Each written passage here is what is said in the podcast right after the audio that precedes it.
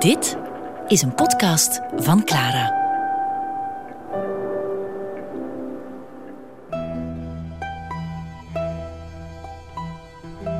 Venetia met Serge Simonaar.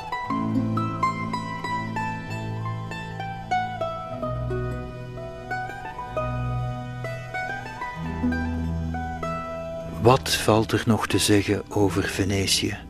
Over deze stad is alles al gezegd. Citaat van Canon Pietro Casoli in 1494. Desondanks, na 1494 moesten nog een miljoen boeken en duizenden documentaires over Venetië gemaakt worden en wij doen er nog eentje bij.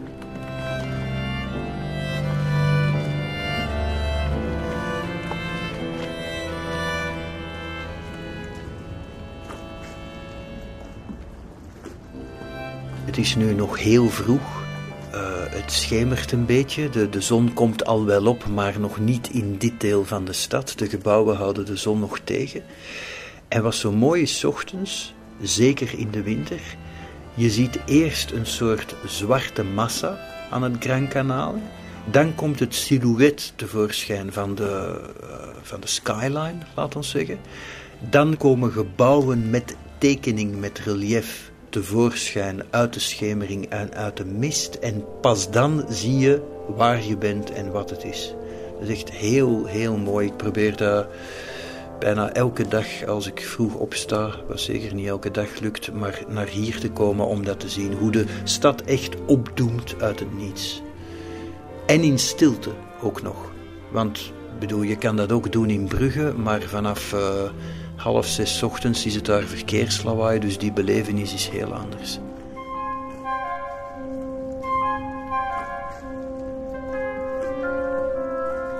De grote Maurice Barrès, een van de grote Académie Française van de vorige eeuw, vergelijkt La Serenissima met, en ik citeer, une vieille Ophélie flottant sur l'eau stagnante. Venetië is net een oude, afgeleefde Ophelia die drijft op stilstaand water. Prachtig beeld als je het schilderij kent, het pre-Raphaëlitische schilderij Ophelia van Everett Millais.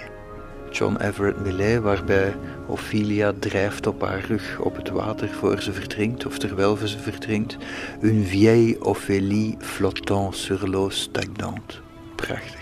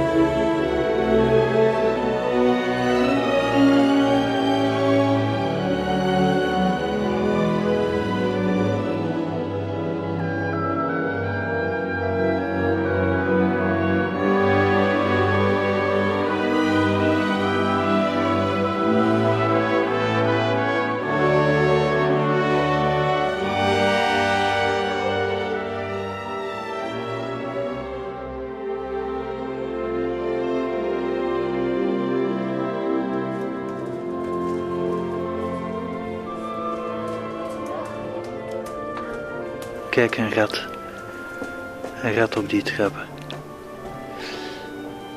Ik vind het heeft iets onheilspellends om dat hier te zien.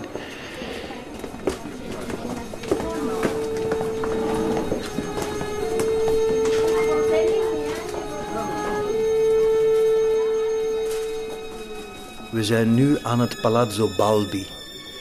Nu, er is een mooie anekdote uh, en die, ze is echt, dit is geen mythe, dit is echt gebeurd. Um, de man die het Palazzo Balbi liet bouwen en financierde, die had een ongewone methode om de bouwmeester en de metselaars en alle werklui een beetje tot haast en spoed aan te manen. Wat deed hij? Hij weigerde in een huis te slapen tot het palazzo af was. Hij sliep in een buiten het palazzo op het kanaal aangemeerde boot. Nu, hij heeft woord gehouden, maar er is wel één pijnlijk detail. Uh, hij heeft longontsteking gekregen in de winter, slapend in die aangemeerde boot voor zijn palazzo en is gestorven voor het af was. Nu, fans van Napoleon, dit is ook de plek van waar Napoleon de regatta bekeek toen hij de, de stad bezocht. En er zijn nog Franse pelgrims. Elke keer als ik hier langskom, zijn er wel een paar die hier in een soort uh, half bezwijmd staan te bewonderen van hier heeft ooit Napoleon gestaan. Nu hier vlakbij, aan de overkant, kijk, daar schuin rechts, uh, is de Rio Nuovo. ik ben een grote fan van Frank Lloyd Wright, de Amerikaanse architect. Maar ik ben wel blij dat zijn plan niet is doorgegaan, want hij wou hier ook een huis bouwen. En ik vind toch een beetje, ik, ik ben ook voorstander van het principe, zoals bijvoorbeeld in Antwerpen heb je de Kogels aux zowat de laatste Art Nouveau-straat die België nog rest na de afbreekwoede uh, na de Tweede Wereldoorlog. En ik vind, zet overal een mooi modern huis, maar niet in de Kogels aux um, zit wat mij betreft overal iets van Frank Lloyd Wright. Een, absoluut genie, maar niet in Venetië.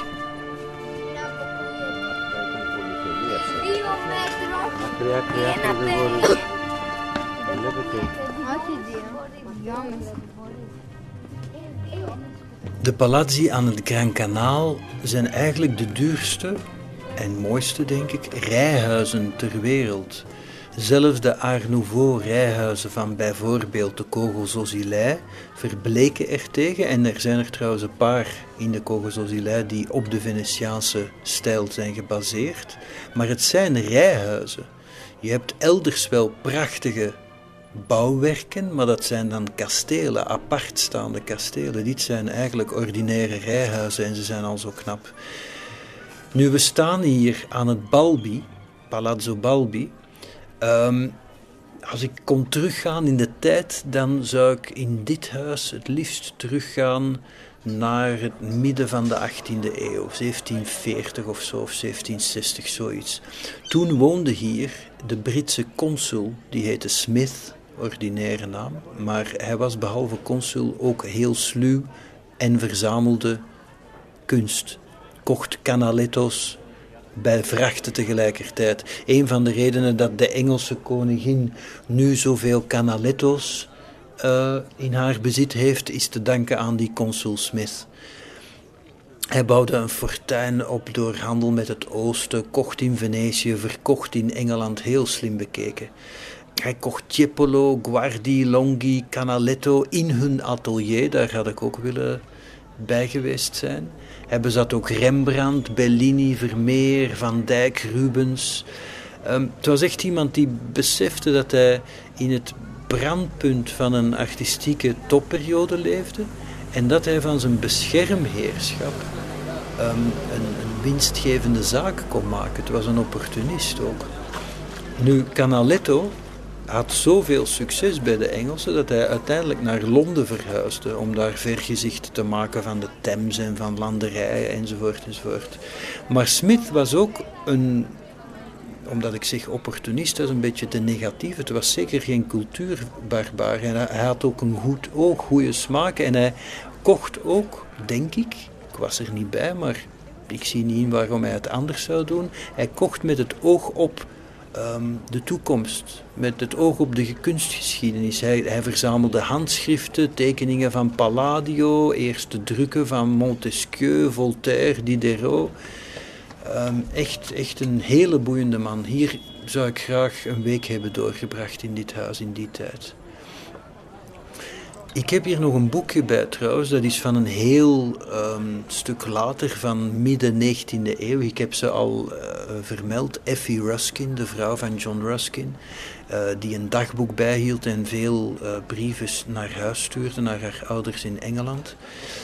En ze vertelt over twee palazzi. Dit um, het Balbi en het Grimani, dat die toen, vergeet niet, toen werd er nog heftig gegokt, ehm, dat de grootvader van de huidige graaf, zegt Effie Ruskin in 18, wanneer was dat, 1860 of zo, 1870, de grootvader van de huidige graaf heeft het palazzo vergokt, stel je dat voor. Um, en daarom, omdat hij het toen heeft vergokt, is het via um, verschillende handelaars eerst een postgebouw geworden, gebouw van de post, en nog later een gerechtsgebouw. Maar wat mij boeit is dat Effie veel inzicht geeft in kleine details. Bijvoorbeeld ze vermeldt hoe koud al die palazzi wel waren. Nogmaals, midden 19e eeuw, 1860 of zo. Um, ik citeer even. Ze zijn stevast luxueus aan de buitenkant, maar kaal van binnen. Er zijn zelden open haarden en iedereen loopt binnenskamers rond met mandjes met hete kolen in om warm te blijven. Thank you.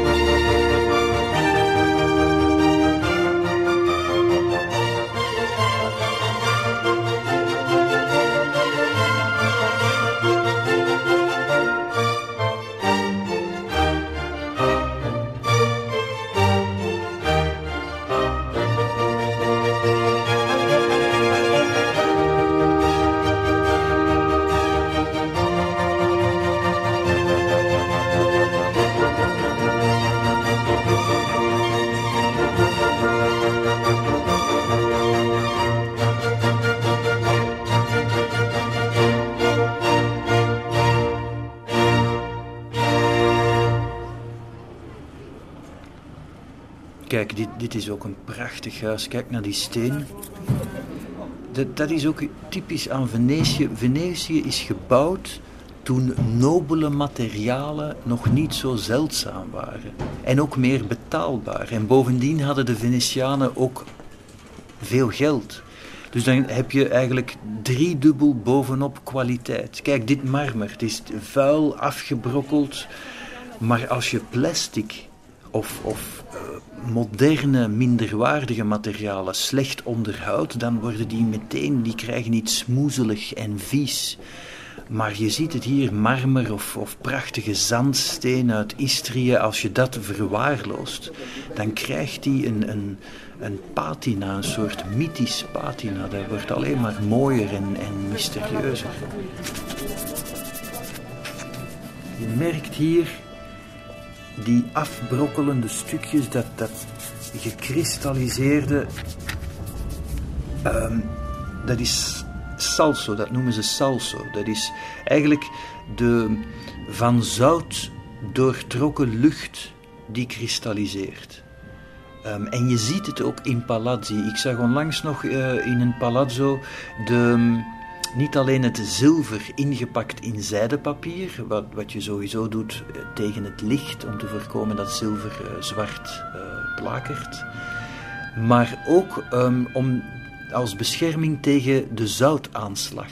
Ook dat zelfs kandelaars en luchters worden omwonden met een soort zijdefolie om de zoutaanslag tegen te gaan. En je merkt het ook aan de muren, zelfs op schilderijen.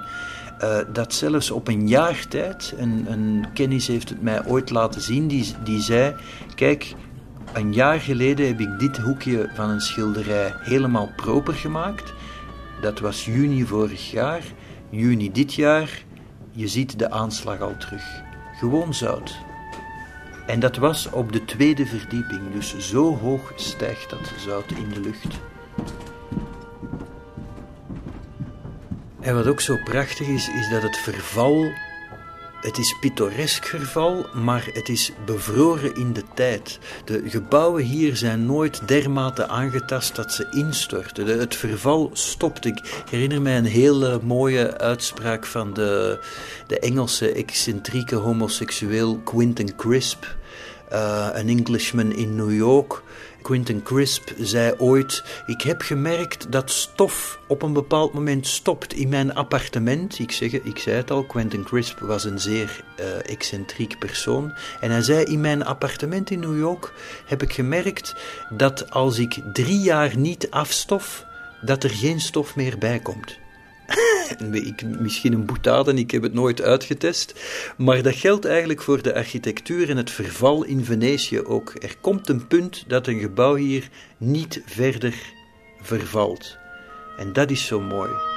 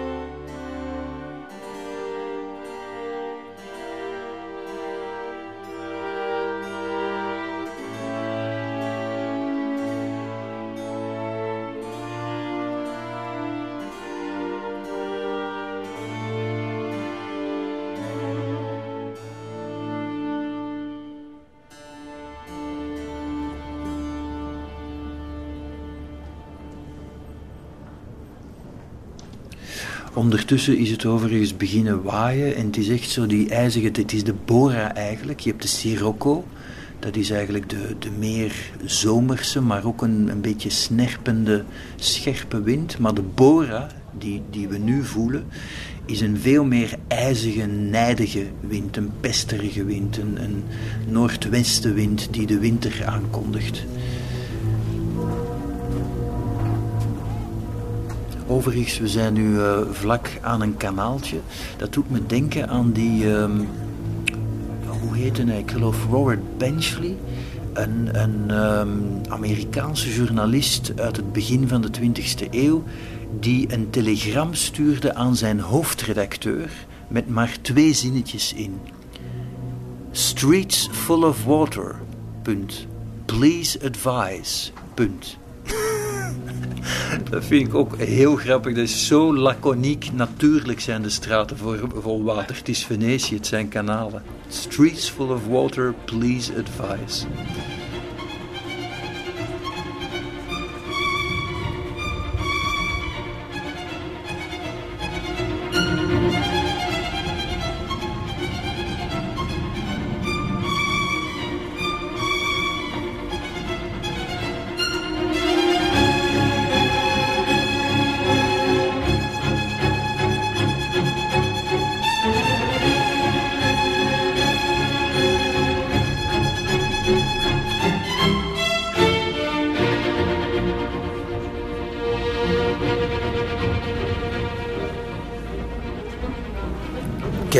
Staat ook nog een kanaaltje half leeg in aanbouw of in renovatie. Het water weggezogen. Je ziet de fundamenten van een paar huizen. En je ziet ook een stukje, als je goed kijkt, onderaan, half in de modder, een stukje van de boomstammen. En dat doet me eraan denken, het is al lang geleden, ik denk in begin jaren 90 of zo, zag ik uh, ook in zo'n kanaaltje hier, maar in Castello, zag ik een paar Venetianen staan die bijna aan het huilen waren en, en duidelijk met de krop in de keel. En ik, ik bleef staan en, en ik luisterde naar wat ze aan het vertellen waren. En wat bleek, ze waren gewoon ontroerd omdat ze voor het eerst de boomstammen konden zien in zo'n kanaal dat, dat uh, gerenoveerd werd, fundamenten van een palazzo dat werd uh, hersteld. En ze konden een stukje zien van de boomstammen en ze waren gewoon tot op het bot toe ontroerd, omdat ze voor het eerst de boomstammen zagen, het oeroude versteende woud eigenlijk, waarop hun stad was gebouwd. En dat gaf hen duidelijk het gevoel alsof ze plots oog in oog stonden met hun voorouders. Dat was echt een, een prachtig moment.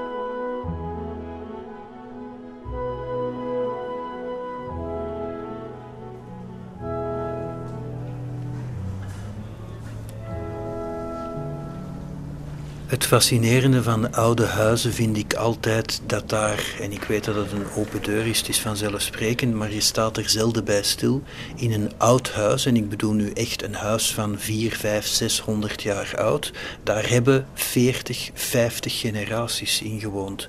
En je krijgt dus de verhalen van elke generatie. Dit bijvoorbeeld, nu is het een hotel, Palazzo Papadopoli, onlangs, of enfin, vrij recent, uh, verbouwd tot een zeer duur hotel.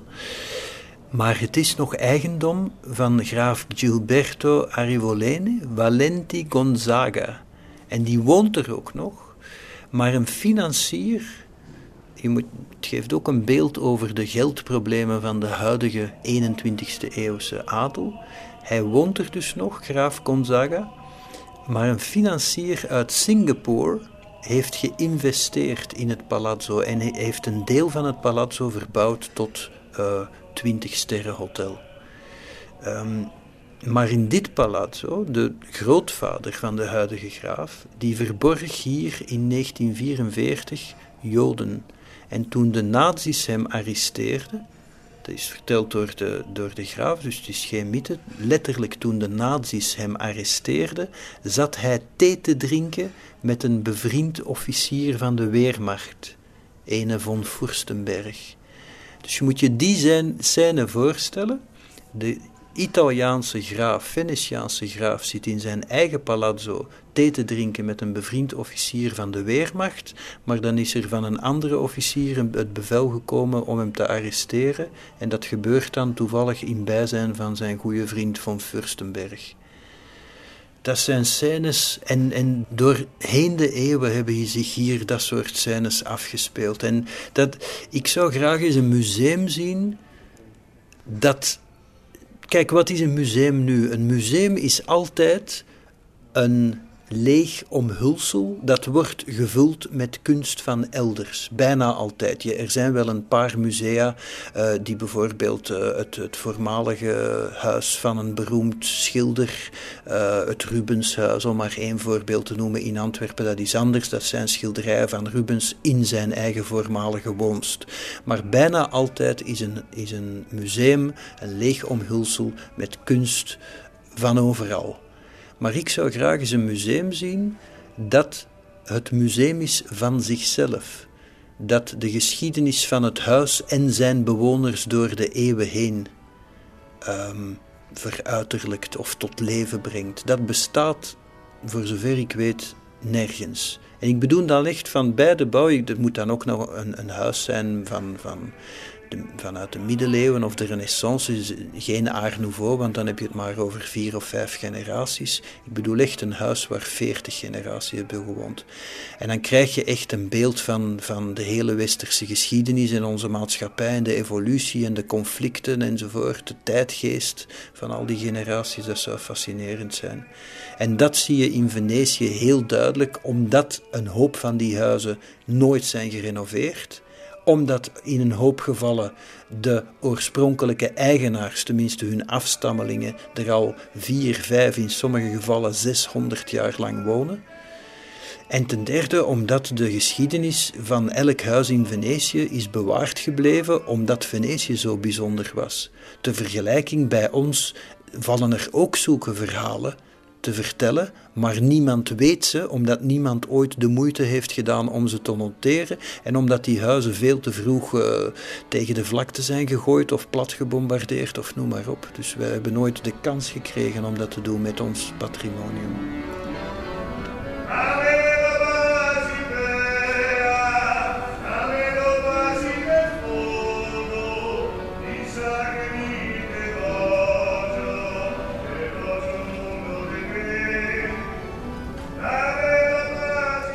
Hier schuin tegenover zie je het Palazzo Grimani. Uh, grappig daaraan is dat er twee, um, um, eigenlijk vader, vader, en zoon, twee familieleden waren. Girolamo Grimani was verliefd op het overbuurmeisje, wiens vader haar niet wilde uithuwelijken aan een armoezaaier heel relatief, want zij bezaten ook een palazzo aan het Gran Canale en dan ben je geen armoezaaier, maar in vergelijking met de schoonvader. Uh, die wou niet dat zijn dochter trouwde met een armoezaaier van aan de overkant van het Gran Canale. En als wraak liet die jonge man, toen hij geld begon te verdienen, een palazzo zetten tegenover het palazzo van de schoonvader. En hij gaf als richtlijn mee aan de architect: Mijn ramen moeten groter zijn dan de deuren van mijn schoonvader. Die overigens later ook nog dogen werd, Marino Grimani. Um, overigens daar verder is een palazzo dat niet is helemaal um, voltooid, Caflangini. De legende wil dat van twee broers de ene de andere onuitstaanbaar vond en de helft vernietigde om de ander te pesten. Uh, sappig verhaal, um, maar in werkelijkheid is de bouw nooit voltooid omdat de Flangini geruineerd werden eind 18e eeuw. Ik ben vergeten hoe, maar slechte investeringen of zoiets. En een zeilboot. Kijk, kijk, een zeilboot. Eigenlijk je, je, ziet hierbij, je ziet wel zeilboten aan het Lido en uh, in de lagune, maar eigenlijk op het Gran Canal zie, zie je, behalve tijdens de regatta, nooit een zeilboot, want dat mag niet officieel. Dus ik vraag me af wat hij hier doet. Dat doet mij eraan denken, regatta is een Venetiaans woord. Nu is dat wereldwijd een woord voor zeilwedstrijd. Zeilers weten dat, de regatta. Um, maar in het Engels komt dat voor het eerst voor, ik geloof in 1650 of zo, in de beschrijving van een Venetiaanse zeilwedstrijd, regatta. En in die tijd, ik heb het nu over, laten we zeggen, de periode 1200 tot 1780 ongeveer, waren de regatta's een speelse manier om de manschappen fit te houden voor de galeien, voor oorlog eigenlijk. En de rivaliteit tussen clans werd aangewakkerd door de Raad van Tien. Ten eerste om uh, opstand te voorkomen, want zolang ze onder elkaar bakkeleien, uh, vormen ze geen front om de Raad van Tien omver te werpen, ook al pragmatisch. Maar ook om ze scherp te houden voor conflicten met eventuele vijanden. Dus de Regatta Storico, nu een, een prachtige pageant van prachtige zeilschepen, was eigenlijk een puur pragmatische instelling. We organiseren dat om onze manschappen fit te houden.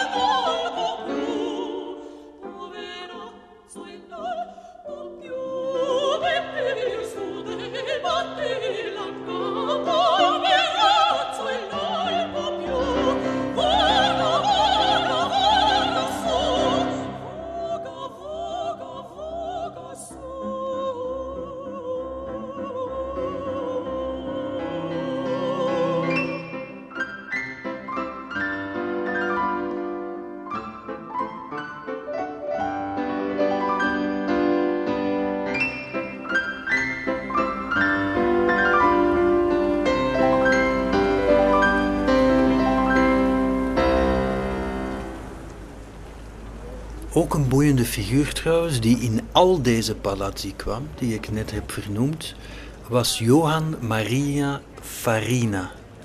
Hij heette Johan Maria, maar het was een man, Maria Farina. En dat is eigenlijk de uitvinder van het parfum zoals wij het nu kennen. Nu, het is, je kan niet echt zeggen wie het parfum heeft uitgevonden. De Egyptenaren hadden al parfum, de Chinezen hadden parfum enzovoort. Maar parfum zoals wij nu kennen, waarmee je echt als een eau de cologne parfumeert. Dat heeft Farina, die eigenlijk een Zwitser was, in Venetië uitgevonden. En zijn inspiratie kwam van het feit dat in Venetië zoveel stank was. Iedereen stonk daar zo. Daarom kwam hij op het idee van parfumeren. Want zijn grootoom, Carlo Gennari, die produceerde al parfums voor de aristocratie uh, oliën, poeders, uh, alles wat geparfumeerd was. Omdat in die tijd de, man, de mensen wasten zich niet, maar bovendien droegen ze geen ondergoed. Uh, stop mij maar als ik te technisch word. en bovendien de delicate kleren die ze droegen, werden evenmin gewassen of zeer zelden gewassen om ze niet te verslijten. Dus ze waren driemaal fout. Zich niet wassen, geen ondergoed en kleren bijna nooit wassen. En er viel dus qua geur, om het blijft uit te drukken, heel wat te verhullen. En het is Farina die begonnen is met het systematisch produceren van wat wij eau de cologne zouden noemen of, of parfum.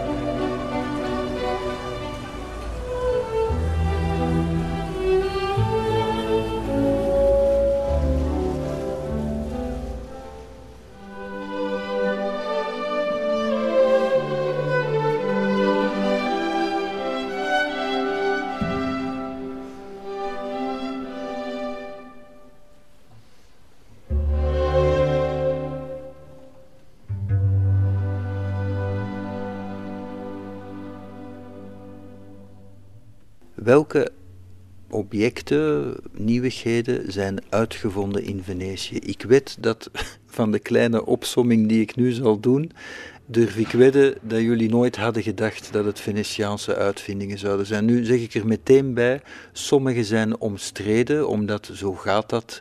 Uh, ik zeg nu maar iets zoals de spaghetti, die is zogenaamd Italiaans, maar anderen beweren dat Marco Polo spaghetti heeft ingevoerd uit China, enzovoort, pasta.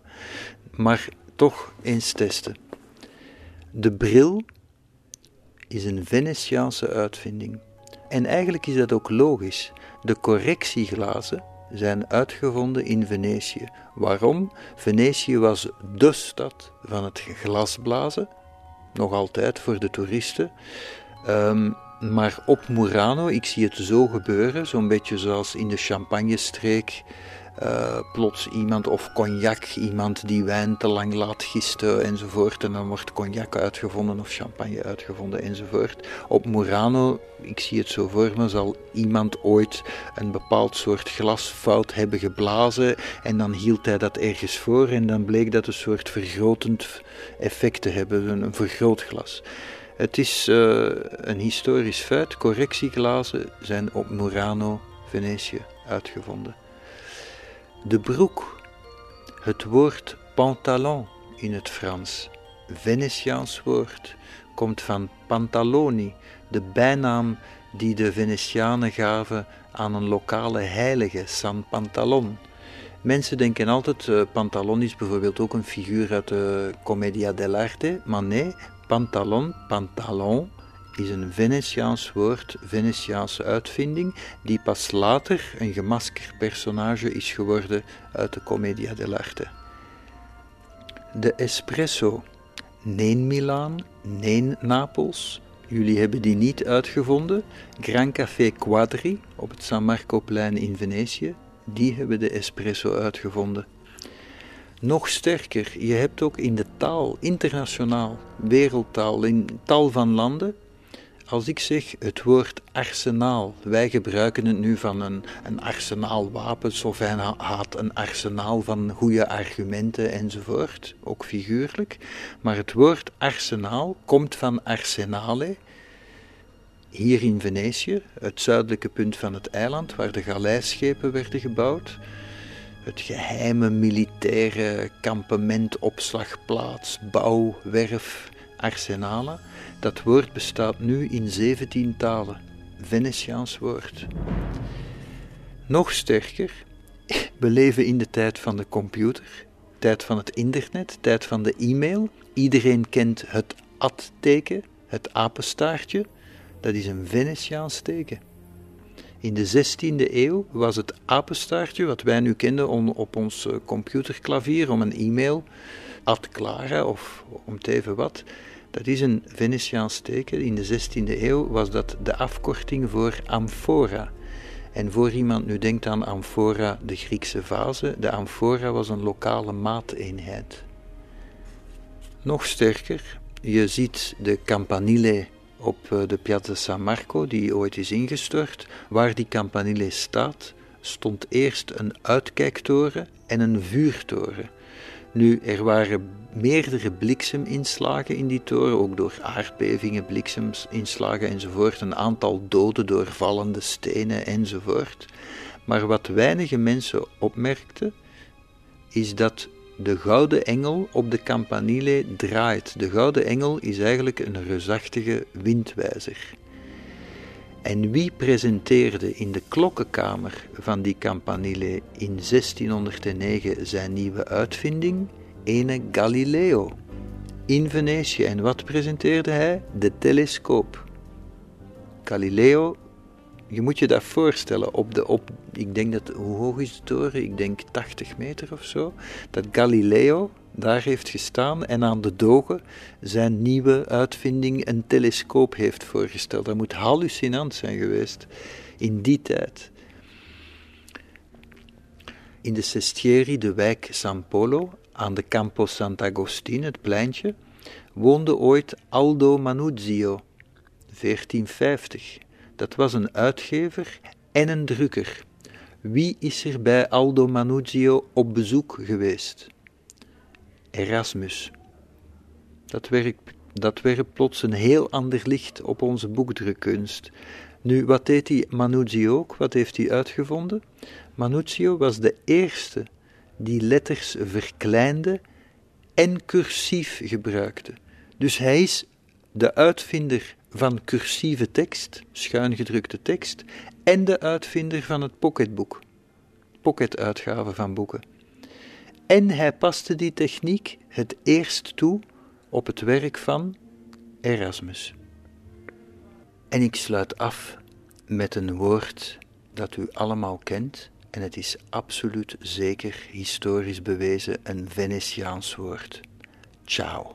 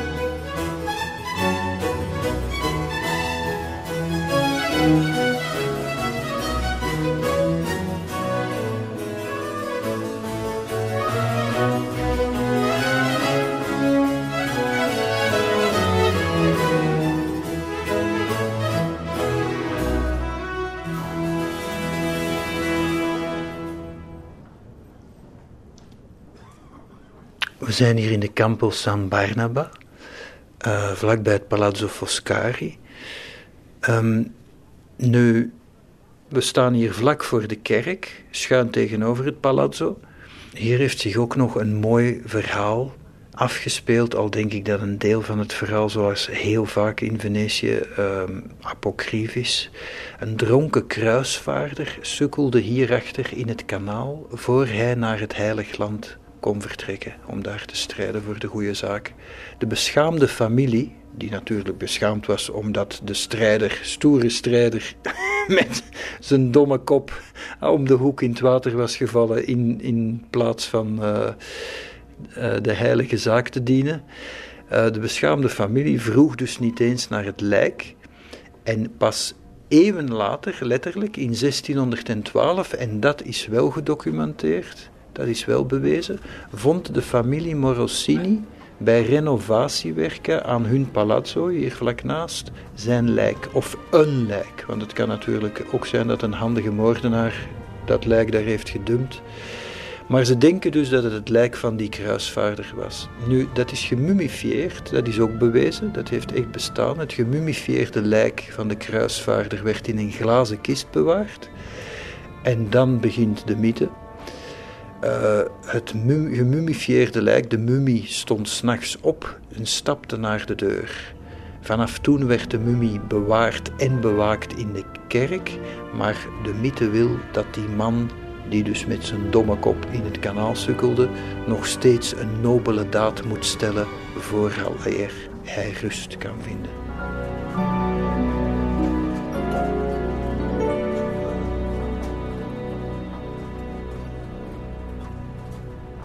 Ik vind het een van de mooiere palazzi aan het Gran Canale, het Palazzo Barbaro. Um, ook een van de weinige waarvan trouwens, zoals je kan zien, het 15e eeuwse balkon nog intact is.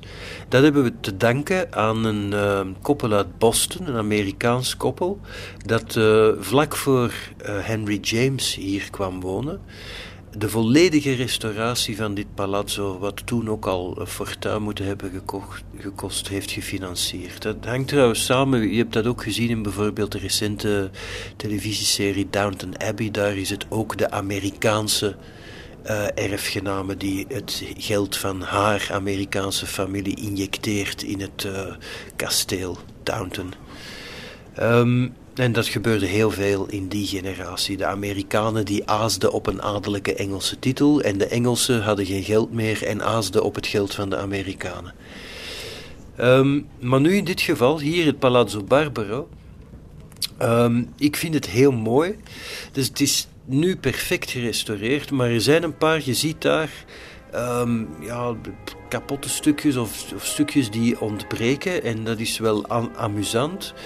Want ik weet uit een brief dat die, eh, waar je ziet die engeltjes, de putti, die beschadigd zijn, dat is door de kinderen in de tijd van Robert Browning, de Engelse dichter die, die er nog woonde voor Henry James. Um, toen hebben kinderen daar met iets tegen gegooid. Uh, er in één brief is sprake van, van knikkers, in een andere brief iets anders. Maar dus kinderen uit waar spreken we dan over? Uh, eh, 1850 of zo. Uh, die dus met knikkers tegen die engeltjes hebben gegooid en, en die zijn daardoor nog altijd uh, beschadigd. Wat ook ongelooflijk is als je bedenkt, er is ook ooit, weet ik ook uit een, een brief van, van iemand anders, er was hier een Mrs. Kerr, of Kerr, een, een Schotse, um, die ooit de, de plafonds hier heeft bestreken met teer want ze vond dat mooier. Een zwart plafond. Je moet je dat voorstellen, al die prachtige fresco's. En dan komt er een of andere omhooggevallen Schotse uh, rijke dame en die zegt van ja, al die engeltjes, al die fresco's, overschilder dat maar met teer, want een zwart plafond staat chiquer. Echt verschrikkelijk.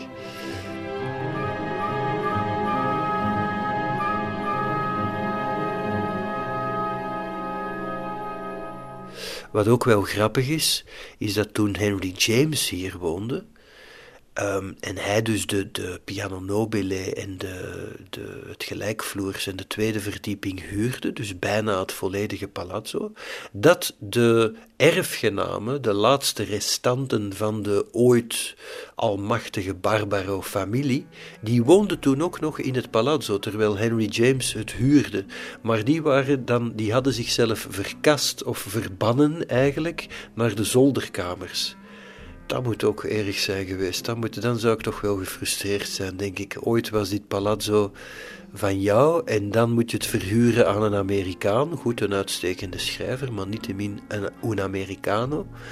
En dan moet je jezelf uit geldgebrek verbannen naar de zolderkamertjes van je eigen palazzo, waar voorheen de lakeien en de bedienden woonden.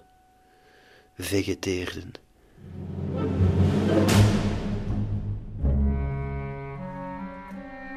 Ook in de prachtige roman The Wings of the Dove um, komt een uh, palazzo ter sprake. Trouwens, het, palazzo is trouwens min of meer gebaseerd op het echte Palazzo Leporelli.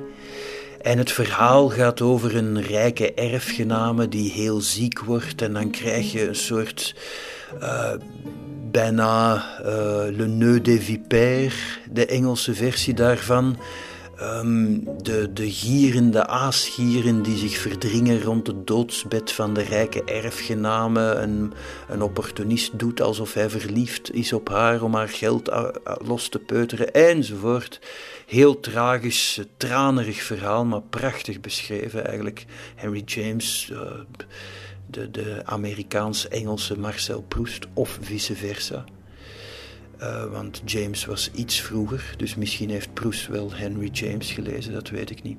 Maar er komt een, een, een mooie beschrijving van een uh, palazzo en van meer bepaald Millie Thiel, die um, de wens uitdrukt en de ambitie om in Venetië in een echt palazzo te verblijven. Want een gewoon hotel, ook al zijn er prachtige hotels in Venetië, een gewoon hotel vindt ze iets beneden haar waardigheid en niet Venetiaans genoeg. En vergeet ook niet, uh, bijna alle romans uh, van Henry James spelen zich af in de haute bourgeoisie en het milieu van, van de adel en de uh, nieuwe golf van rijke industriëlen. Het is niet Thomas Hardy op het platteland en lieve boertjes. Het is de adel en de landadel en de nouveau riches. At Venice, please, if possible, no dreadful, vulgar hotel. You know what I mean. I want some fine old rooms, wholly independent for a series of months. Plenty of them too, and the more interesting the better. Part of a palace, historic and picturesque, but strictly inodorous where we shall be to ourselves, with a cook, with servants, frescoes, tapestries, antiquities, the thorough make believe of a genuine settlement. Palazzo Leporelli held its history still in its great lap, even like a painted idol, a solemn puppet hung about with decorations, hung about with pictures, relics, the rich revered and served, which brings us back to our truth of a moment ago the fact that, more than ever, this October morning, awkward novice though she might be, Millie moved slowly to and fro as the priestess of the worship.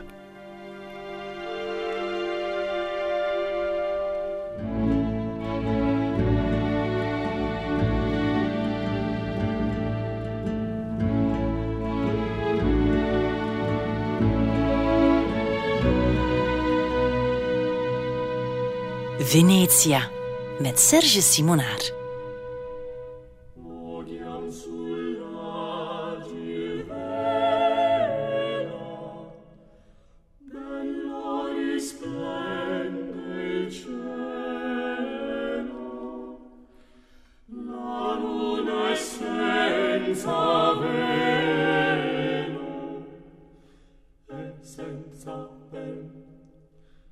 senza ven, senza tempesta il mar.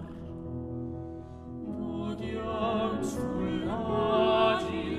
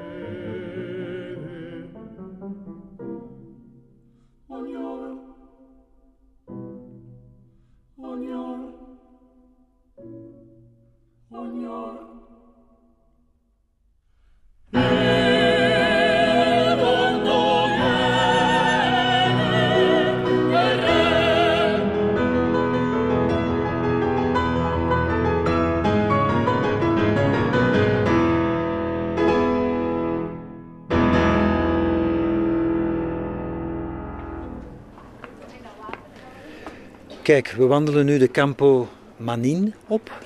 Hier staat natuurlijk het standbeeld van Daniele Manin, de, de revolutionair, de vrijheidsstrijder. Nu, wat weinig mensen weten, denk ik, dat iedereen kent de Raditsky-mars van Johann Strauss. Ook die heeft een band met Venetië, wat je niet zou denken. Maar het is Maarschalk Radetzky die de opstand van Daniele Manin heeft neergeslagen. Nu, overigens, die Radetzky was ook een notoire vrouwengek die minstens acht en waarschijnlijk een dozijn illegitieme bastaardkinderen heeft verwekt. Waarvan het laatste, het laatste bastaardkind dat hij heeft verwekt, toen was hij 81. En daar voel ik een mengeling van misprijzen en respect voor. Nu, ik zei al, ik heb al vaak Amerikaanse en Engelse toeristen, in het geval van dichter Robert Browning of Lord Byron, zien zwijmelen aan het verkeerde palazzo, omdat er, er zijn verschillende palazzi, uh, en Cornair enzovoort, van verschillende takken van de familie. Dat geldt eigenlijk ook voor het uh, palazzo waar Wagner in woonde en stierf. Nu, de originele Grimani-vleugel bestaat eigenlijk niet meer. En daar is ook weer, weer een prachtig verhaal aan verbonden, wat, laat ons zeggen, de meedogenloosheid van de Venetiaanse Raad van Tien typeert. De familie Grimani, vandaar Palazzo Grimani, dat waren drie broers in de 17e eeuw. Ik denk dat dit verhaal speelt 1660 of zoiets. En die drie broers hadden een Venetiaan van adel vermoord. Nu natuurlijk, je kon, er waren weinig misdaden die erger waren dan iemand van adel vermoorden. Dat is zo'n beetje als de, de president neerschieten in onze tijd.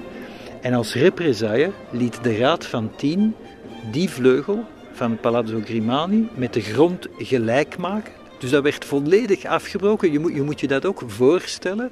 Zie het voor u dat de volledige bevolking van Venetië, of toch bijna, komt kijken hoe het palazzo van een adellijke familie voor hun ogen wordt ontmanteld. Terwijl het niet nodig is, dat is in perfecte staat, wordt ontmanteld tot het met de grond gelijk is gemaakt. En in de plaats daarvan uh, gaf de Raad van Tien het bevel om daar in de plaats van het palazzo, dus in de plaats van letterlijk 25.000 vierkante meter paleis, een schandpaal te zetten. Dus gewoon begane grond, braakland met één schandpaal.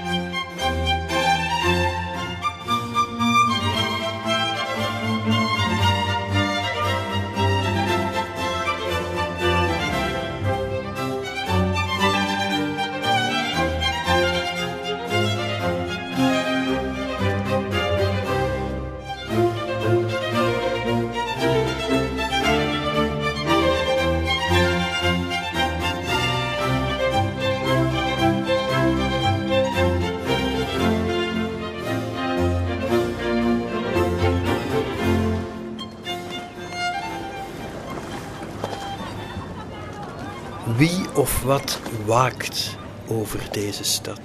Wie of wat waakt over Venetië? Wie is de beschermheer of beschermengel van Venetië? Ik heb het al een paar keer aangestipt. Dit is toch één plaats ter wereld waar winst en, en geldgeilheid en het ego van projectontwikkelaars aan banden is gelegd. Um, ter vergelijking in Londen is er bijvoorbeeld een regel die de skyline reglementeert. Vanuit bepaalde hoeken moet bijvoorbeeld St. Paul's Cathedral, een van de hoogste en de mooiste punten van Londen, gevrijwaard blijven van stoorzenders op de achtergrond, visuele ruis die de skyline breekt. Um, Venetië is de enige skyline ter wereld die onaangeroerd is gebleven door um, nieuwbouw, onbesmet door hoogbouw. Maar er is geen enkele garantie dat dat nu nog blijft. Dat is een strijd, een onzichtbare strijd, een strijd vaak ook achter de schermen, politiek, financieel, die elke dag wordt gevoerd.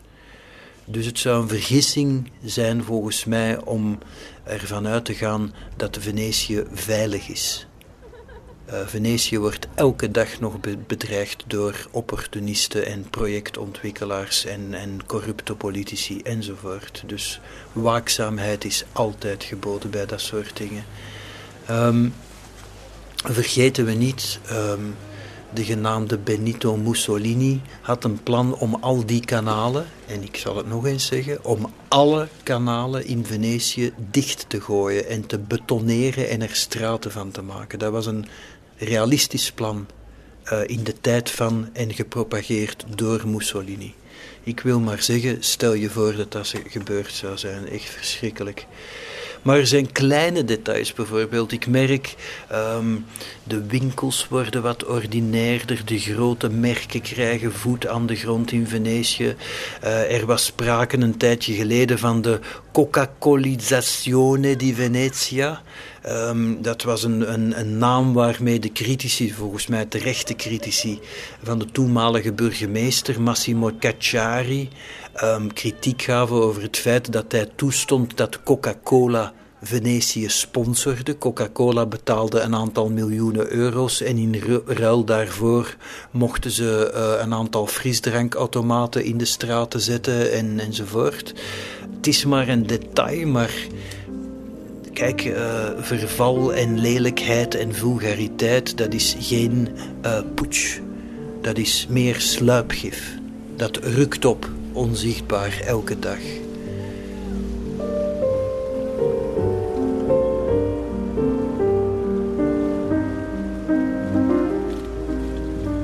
Ik zag trouwens onlangs een uh, documentaire op de BBC met Francesco D'Amosto. Uh, die documentaire bevatte een ijzingwekkende trucage. Ik had bijna gezegd een prachtig beeld, maar het is een hallucinant, verschrikkelijk beeld. Daar hadden ze met moderne trucage, computertechnologie, het Gran Canale vervangen door een autosnelweg met bewegende auto's. Ik kan je verzekeren, dat was ik wil nu niet pathetisch of dramatisch doen, maar mijn hart sloeg bijna een slag over. Dat was een degoutant, onthutsend zicht. En het is pas als je zo'n beeld ziet als schok, getruckeerd, maar door het contrast met je weet hoe het in echt is, prachtig krankanale met water en, en stilte en rust. En dan plots auto's op een autosnelweg daar, dan kan je even voelen wat bijvoorbeeld een middeleeuwer of een zelfs iemand uit de 19e eeuw zou ervaren als zij bijvoorbeeld zou met een teletijdmachine worden overgebeamd naar onze tijd in Antwerpen of Brugge of Brussel. Dat, dan kan je even beseffen, even krijg je dan genoeg inlevingsvermogen om te beseffen wat een cultuurschok dat zou zijn. En, en dat beeld van, van het Grand Kanaal met autosnelweg, met, met bewegende auto's, aanrazende auto's, um, dat, dat is echt een beeld dat, dat bewees hoe je een unieke stad kan um, ontzielen, castreren, um, vermoorden. En dat zouden wij ook gezegd hebben, hadden wij dat beeld gezien over onze steden in pakweg 1890 of 1920. En nu is het zover. Buongiorno signori. Buona giornata signori. Grazie signori. Soms praten mensen over het zinken van Venetië. Maar wat Venetië ook bedreigt, volgens mij, is de nieuwe garde, de jonge garde, de jonge Venetianen die hun eigen stad willen verbrodden, die blasé zijn, die niet beseffen wat hun stad waard is, maar wat ik ook begrijp, jonge Venetianen die beroepsmatig in hun eigen stad niet aan de bak komen. Je moet je maar eens voorstellen dat je als Venetiaan, jonge Venetiaan, studeert voor architect en weet dat je in je eigen stad waarschijnlijk nooit iets zal mogen bouwen, omdat het beschermd patrimonium is en om, omdat, bij wijze van spreken, het jongste gebouw dateert van 1880. Dat ziet hij natuurlijk dwars, die jonge Venetianen, dat hun eigen stad hun talent beknot. Ook daarom is er stadsvlucht. Nu, die jonge garde is uh, een gevaar in mijn ogen, want ik heb al vaak interieurs gezien die door jonge Venetianen zijn gerenoveerd, wat dan altijd betekent dat de nieuwe versie, de recente renovatie, lelijker, goedkoper en minder authentiek is dan voorheen. En is het zo slecht dat een Venetië een museum is? Dat hoor ik ook vaak, die kritiek van ja, dat is een openluchtmuseum, zo'n beetje laatdunkend van ja, als je oude brol wil zien, dan moet je naar Venetië. Maar je zegt toch ook niet, er moeten dringend terug mensen in het Horta-huis gaan wonen die het moeten renoveren?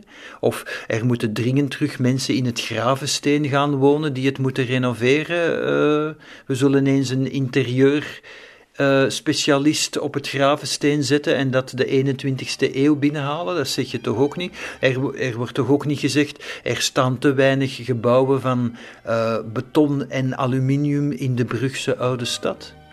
Waarom zou Venetië dan geen museum mogen zijn? Het is verdomme het enige openluchtmuseum, het enige echte openluchtmuseum dat er is. Ik, ik heb het altijd, ik heb het altijd een, een soort spirituele en morele geruststellende gedachte gevonden, een houvast zelfs, dat op minstens één plek ter wereld de modernisten geen voet aan de grond krijgen. Dat tenminste één beschermd monument echt betekent wat het zegt, een beschermd monument en inhoudt wat het bedoelt.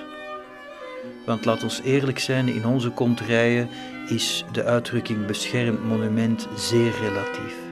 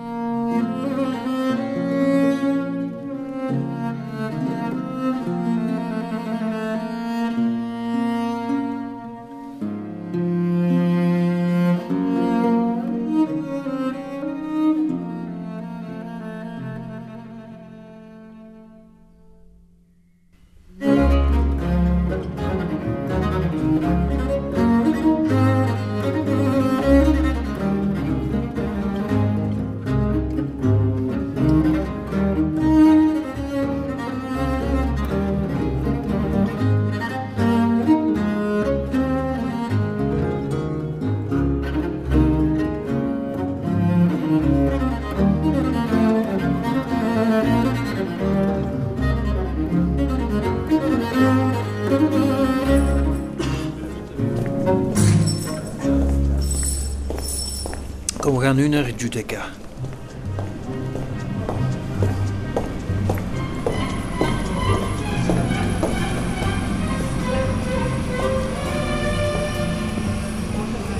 Judeca, de naam, slaat volgens sommige historici op Zweka, bejaarden, ofwel op Judeo, Joden, ofwel Judicati, veroordeelde patriciërs, die naar Judeca werden verbannen.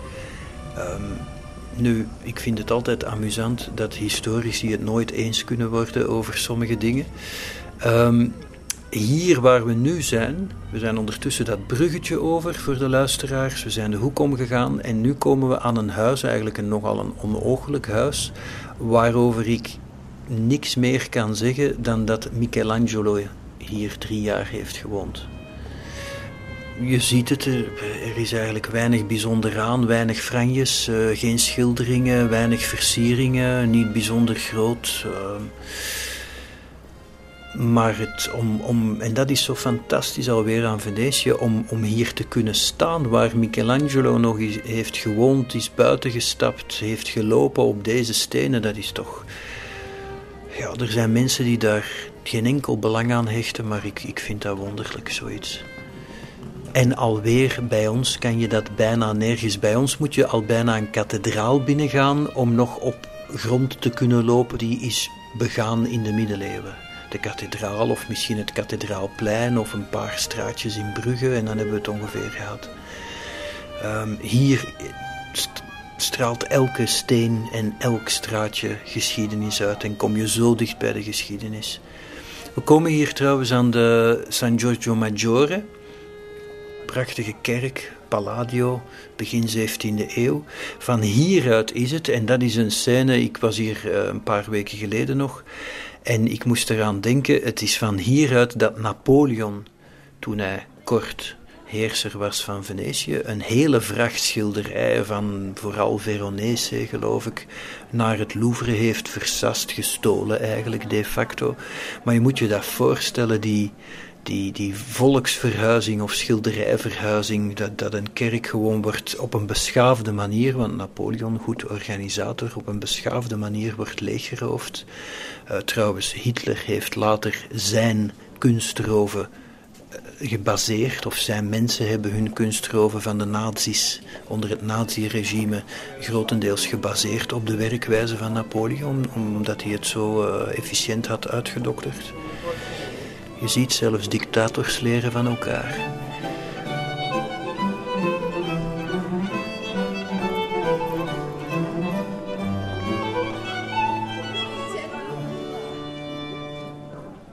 Er zijn heel weinig tuinen in Venetië. Het is een stad van steen. Um, weinig groen. Maar op Giudecca zijn een paar hele mooie tuinen. En die hebben we onder andere te danken aan excentrieke Britten mijn favoriet ras. Niet zozeer de Britten, maar excentrieke Britten zijn mijn favoriet ras. Uh, en er was een uh, Frederik Eden, niet te verwarren met onze Van Eden. Een Frederik Frederick Eden, um, die op deze, vergeet niet, lagune, zout water, dus de zoute ondergrond van Giudecca, toch een Engelse tuin wou aanleggen. En hij is daarin geslaagd. Iedereen zei dat hij gek was, maar hij heeft een prachtig park gemaakt met toen, die zijn nu weg helaas, wijngaarden, pergola's, lelies, rozen. En hier, ik kan je dat niet meer voorstellen, maar hier stonden zelfs koeien en stieren. Koeien onder andere om verse melk te kunnen geven bij de, de hectoliters thee die de ladies van de Britse club uh, in die tijd, we hebben het nu over laat 19e, begin 20e eeuw, kwamen uh, drinken. Uh, thee met melk, zoals de Engelsen doen. En ik heb hier een brief bij van een Lady Layard. En die schrijft op 20 mei 1909. We gingen allemaal naar, ik, vertaal vrij, we gingen allemaal naar Edens tuin, die er prachtig uitzag met de rozen in volle bloei. Materlink, Proest en Rilke hebben hier ook nog gelopen vind ik ook van. Ik ben een groot fan van Materlink, overigens. Proest ook, Rilke ook. Maar Materlink is de meest uh, vergeten van de drie, denk ik. En onterecht. En hier zitten we dus in die tuin waar nog altijd stekjes van rozen uit 1850 bloeien. Dat vind ik alleen al fantastisch. En ik zal eerlijk toegeven, ik zou het niet mogen zeggen, maar ehm, op plaatsen waar ik graag kom of, of die een belangrijke betekenis hebben voor mij, um, wil het al wel eens gebeuren dat ik een stuk van een plant ontvreemd of steel, laat ons het eerlijk zeggen zoals het is. Ik heb bijvoorbeeld in mijn tuin een boom uh, die uh, een scheut is van een boom uit de tuin van Dante Gabriel Rossetti in Londen. Uh, ik heb ook een rozenstruik die komt van een stukje dat ik hier heb geleend, laat ons zeggen. En ik vind het ook mooi dat zo... zo ik heb een, een, eh, een, een uh, scheut van een boom uit de tuin van Jane Austen enzovoort. En ook hier heb ik een, een roze scheut meegenomen.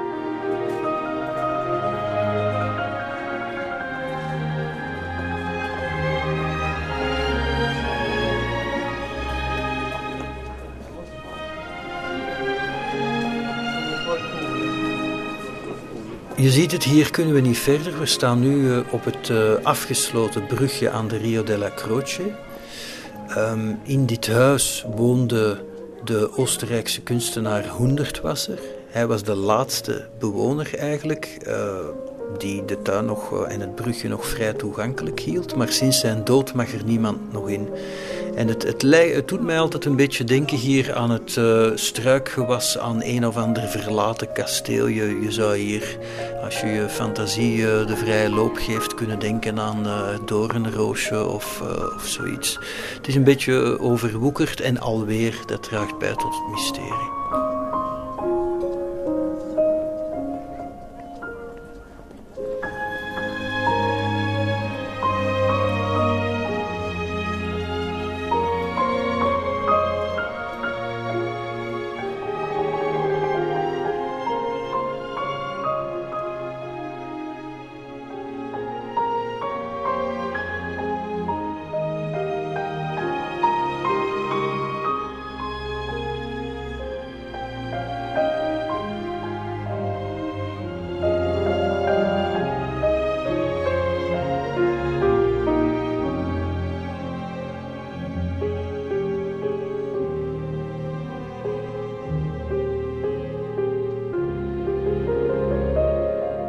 Gevoel dat Venetië mij ook geeft, is dat het zo'n beetje een stad is zonder noord, zonder west, zuid, oost. Een, een grillige stad, een onlogische stad. Als je ze ziet op een kaart of op een oude gravure, dan, dan lijkt het een soort slang of een vis.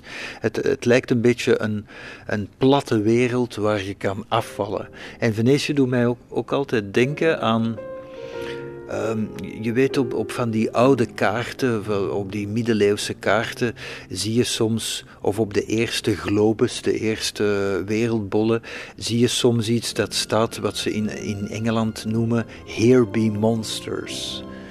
dan, dan staat er zo'n braak terrein, nog niet ontdekt land, terra incognita. En dan heeft de kaartmaker daar zo'n monstertje getekend van wie weet wat woont daar. Um, en zoiets is Venetië ook naar mijn gevoel een soort fabelstad. Een, een, een, stad als een, een onbevestigd gerucht onder cartografen.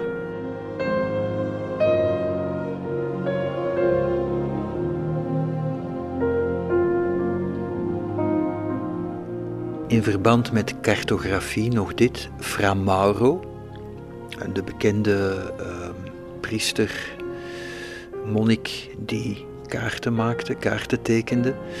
Fra Mauro had hier in Venetië, die had een kaart gemaakt, een wereldkaart, de eerste wereldkaart. En hij, tenminste in Venetië, en hij liet die zien aan een senator van de Raad van Tien. En hij legde uit: hier zijn de continenten, en daar is Afrika, en daar enzovoort. En de senator vroeg: ja, maar waar is Venetië? En Fra Mauro, het was een wereldkaart, dus Venetië was er natuurlijk klein op aangegeven. En Fra Mauro zegt tegen de senator: Venetië, dat is deze stip hier.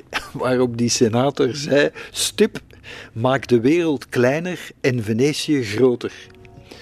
wat iets zegt over het ego van de toenmalige Raad van Tien en die senator.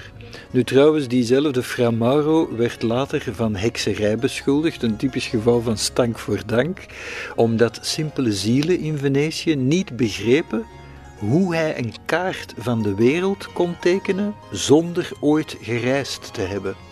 Dat leek natuurlijk in die tijd hekserij. En dat is ook weer zo'n geval, dat vind ik zo ellendig aan de wereldgeschiedenis. Je doet iets goed voor de mensheid, je maakt een wereldkaart, je helpt de mensheid vooruit, je, je zet een volgende stap in de evolutie. En wat krijg je voor je dank? Je wordt van hekserij beschuldigd.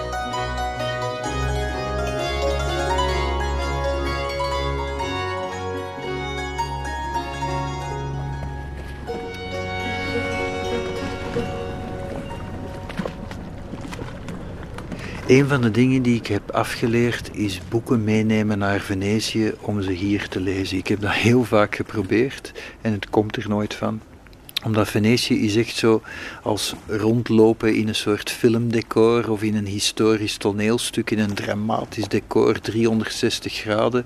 Ik denk dat ik echt zonder overdrijven twintig keer tot in Venedig heb meegenomen om het in Venetië te lezen. En verder dan anderhalf hoofdstuk op het terras van Hotel de Bain ben ik nooit geraakt, want dan was er weer iets anders fantastisch dat hier gebeurde. Dus sindsdien lees ik uh, boeken over Venetië altijd als voor het vertrek naar Venetië, als een soort voorspel. Of als naspel om dat Venetië-gevoel te rekken eens je er terug weg moet.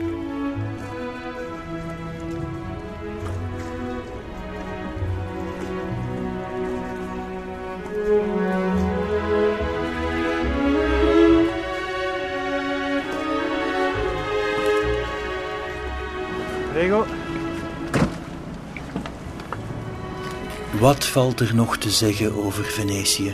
Het is allemaal al eens gezegd. Dat zei dus, zoals ik in het begin citeerde, Canon Pietro Casola al in 1494. al in 1494 was alles over Venetië allemaal al eens gezegd, volgens hem.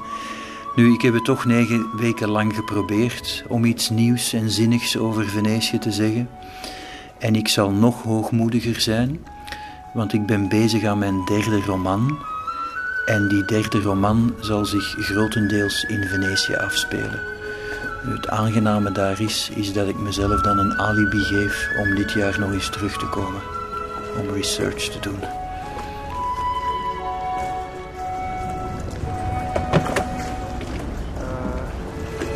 Je kan op verschillende manieren Venetië betreden en je kan ook op verschillende manieren Venetië verlaten. Er is de grote parkeerplaats, de Piazzale Roma, voor mensen die met de auto zijn gekomen. Dat is wat mij betreft uh, de doorgang naar de moderne wereld, een soort um, voorportaal van de hel. Ik kom nooit met de auto naar Venetië. Het alternatief is vliegen. En dan lijken mij altijd de woorden die op je retourticket staan, um, lijken mij altijd een soort oneerbaar voorstel.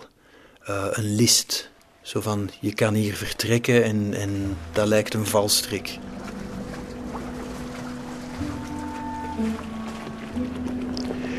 Nu, het zou jullie verbazen na al mijn lofzangen op Venetië, maar ik ben ook altijd blij als ik hier weg kan. Um, enfin, weg kunnen is uh, overdreven, maar ik vind het niet erg om hier te vertrekken. Um, en de reden is heel simpel. Ik wil nooit het punt bereiken waarop ik blasé word en dat ik Venetië gewoon vind. Dus ik hou Venetië heel bewust als een snoepje en, en bijna als een uitgesteld orgasme. Als ik het echt niet meer kan houden, dan kom ik terug naar Venetië. En dan is het gevoel zo sterk. Terwijl als ik het iets te veel zou doen, dan zou het gewoon worden, net zoals alles. En dat wil ik vermijden. Dus uh, ik mis Venetië nu al maar ik heb daar vrede mee. Tot de honger weer te sterk wordt.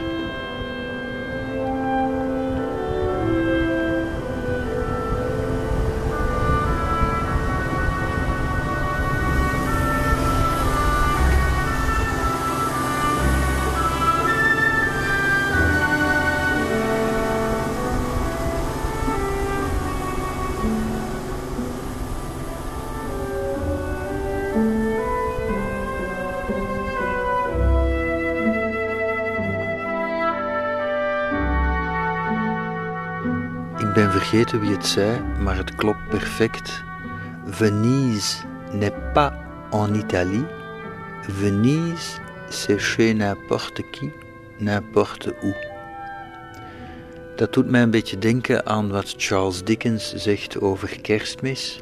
Kerstmis is niet een feest, kerstmis is een instelling, een levensinstelling. You should try to keep the spirit of Christmas all year round.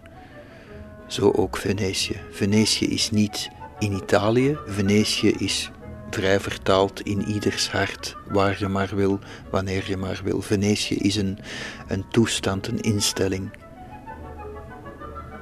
een levensgevoel.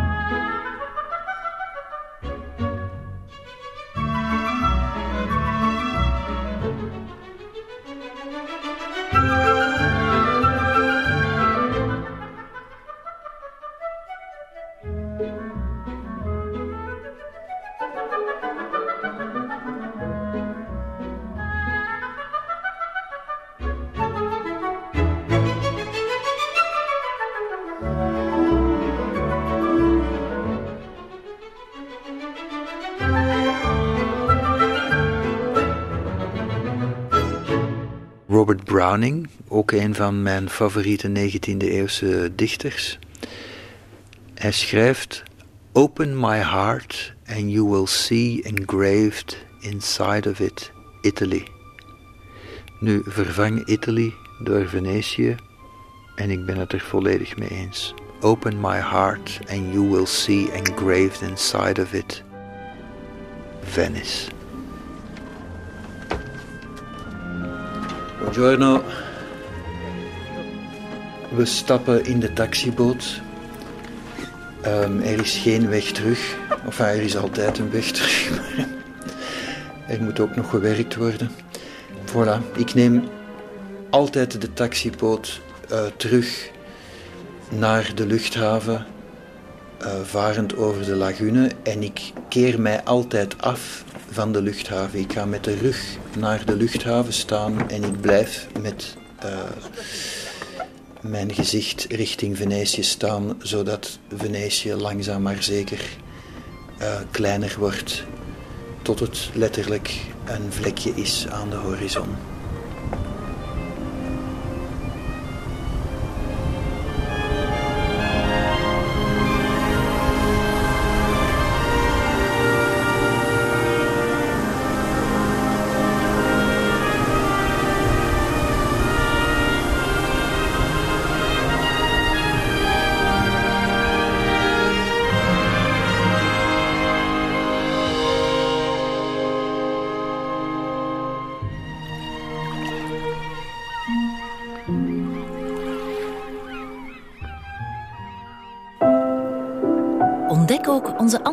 Podcasts via clara.be.